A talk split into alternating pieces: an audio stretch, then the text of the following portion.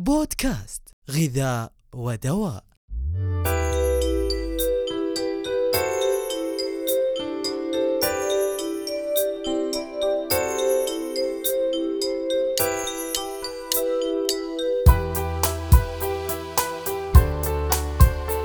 أسعد الله أوقاتكم بكل خير وأهلا وسهلا بكم بالحلقة الثامنة من بودكاست غذاء ودواء الذي يأتيكم من الهيئة العامة للغذاء والدواء بالمملكة العربية السعودية. أحييكم أنا عبد الرحمن السلطان وأسعد بضيفي اليوم الأستاذ محمد الخميس رئيس قسم تقييم المنتجات الغذائية بالهيئة العامة للغذاء والدواء.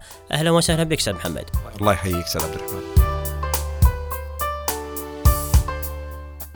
عمرك تساءلت عن مياه الشرب المعبأة عن المياه المعدنية وش محتوياتها وش فرقها عن مياه الشبكة وما هي أفضل مياه معبأة.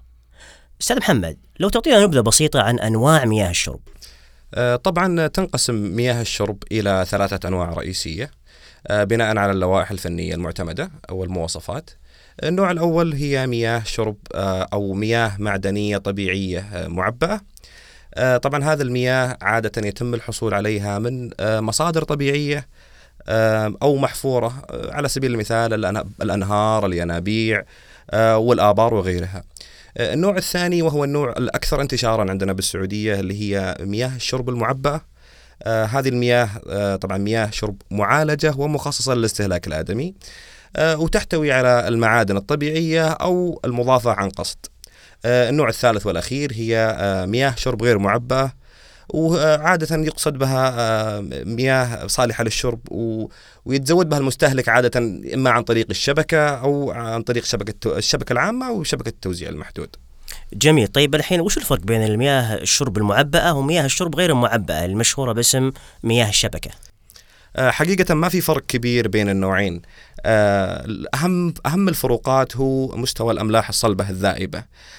طبعا في مياه الشرب غير المعبأة أو مياه الشبكة بالأصح تتراوح نسبة هذه الأملاح من من 100 إلى 1000 بناء على اللوائح الفنية والمواصفات. آه، بينما آه، آه، نسبة الأملاح الصلبة الذائبة في مياه الشرب المعبأة تتراوح من 100 ل 500. طبعا السبب الرئيسي في اختلاف نسبة الأملاح بين النوعين هو أنه مياه الشرب هدفها واحد اللي هو الشرب وتقليل نسبة الأملاح فيها لجعلها أكثر استساغة. بينما آه، ارتفاعها في مياه الشرب غير المعبأ تعرف مياه الشرب غير المعبأ لها عدة استخدامات.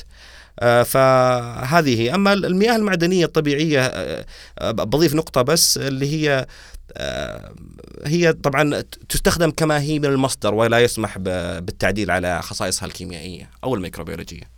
طيب وش الأملاح الصلبة الذائبة؟ طبعا الأملاح الصلبة الذائبة آه، عادة تتكون من عدة أملاح مثل آه، الكالسيوم المغنيسيوم والبوتاسيوم والصوديوم وغيرها ويعبر عنها ب TDS وهي اختصار ل Total Dissolved Solids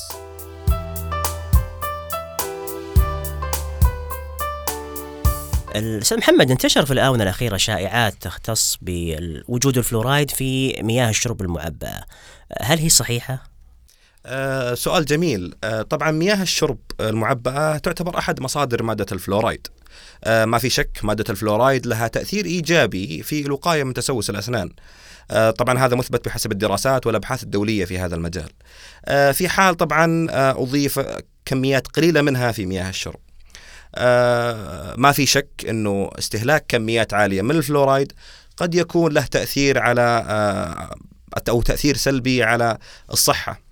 لهذا السبب وضعت حدود ملزمة للفلورايد في مياه الشرب. طبعا الحدود تتراوح بين آه، فاصلة سبعة آه، إلى واحد ونص ملي جرام لكل لتر آه وتوصيات منظمة الصحة العالمية بأن لا تزيد كمية الفلورايد في مياه الشرب عن واحد ونص ملي جرام لكل لتر لذلك السبب وضع الحد الأقصى لمادة الفلورايد هو واحد ونص في مياه الشرب المعبأة.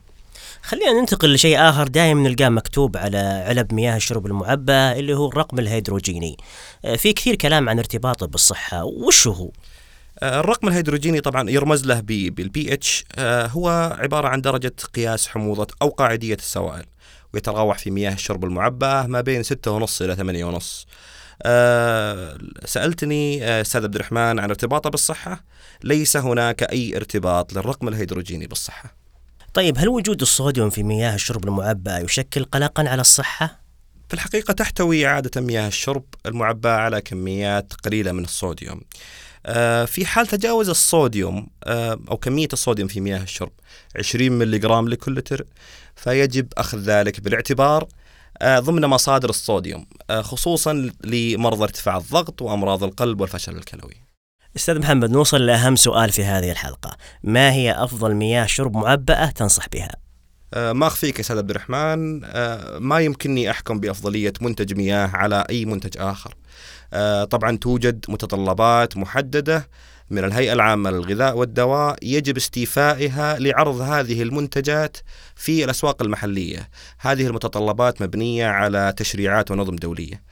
ولا يمكن السماح بعرض هذه المنتجات دون استيفاء هذه المتطلبات. شكرا للأستاذ محمد الخميس رئيس قسم تقييم المنتجات الغذائية بالهيئة العامة للغذاء والدواء. وأنتم أعزائنا المستمعين شكرا لكم على متابعتنا ولمزيد من المعلومات عن مياه الشرب المعبأة ادعوكم لزيارة حساباتنا في مواقع الاتصال الاجتماعي وزيارة ركن المستهلك في الموقع الإلكتروني للهيئة العامة للغذاء والدواء. أستودعكم الله.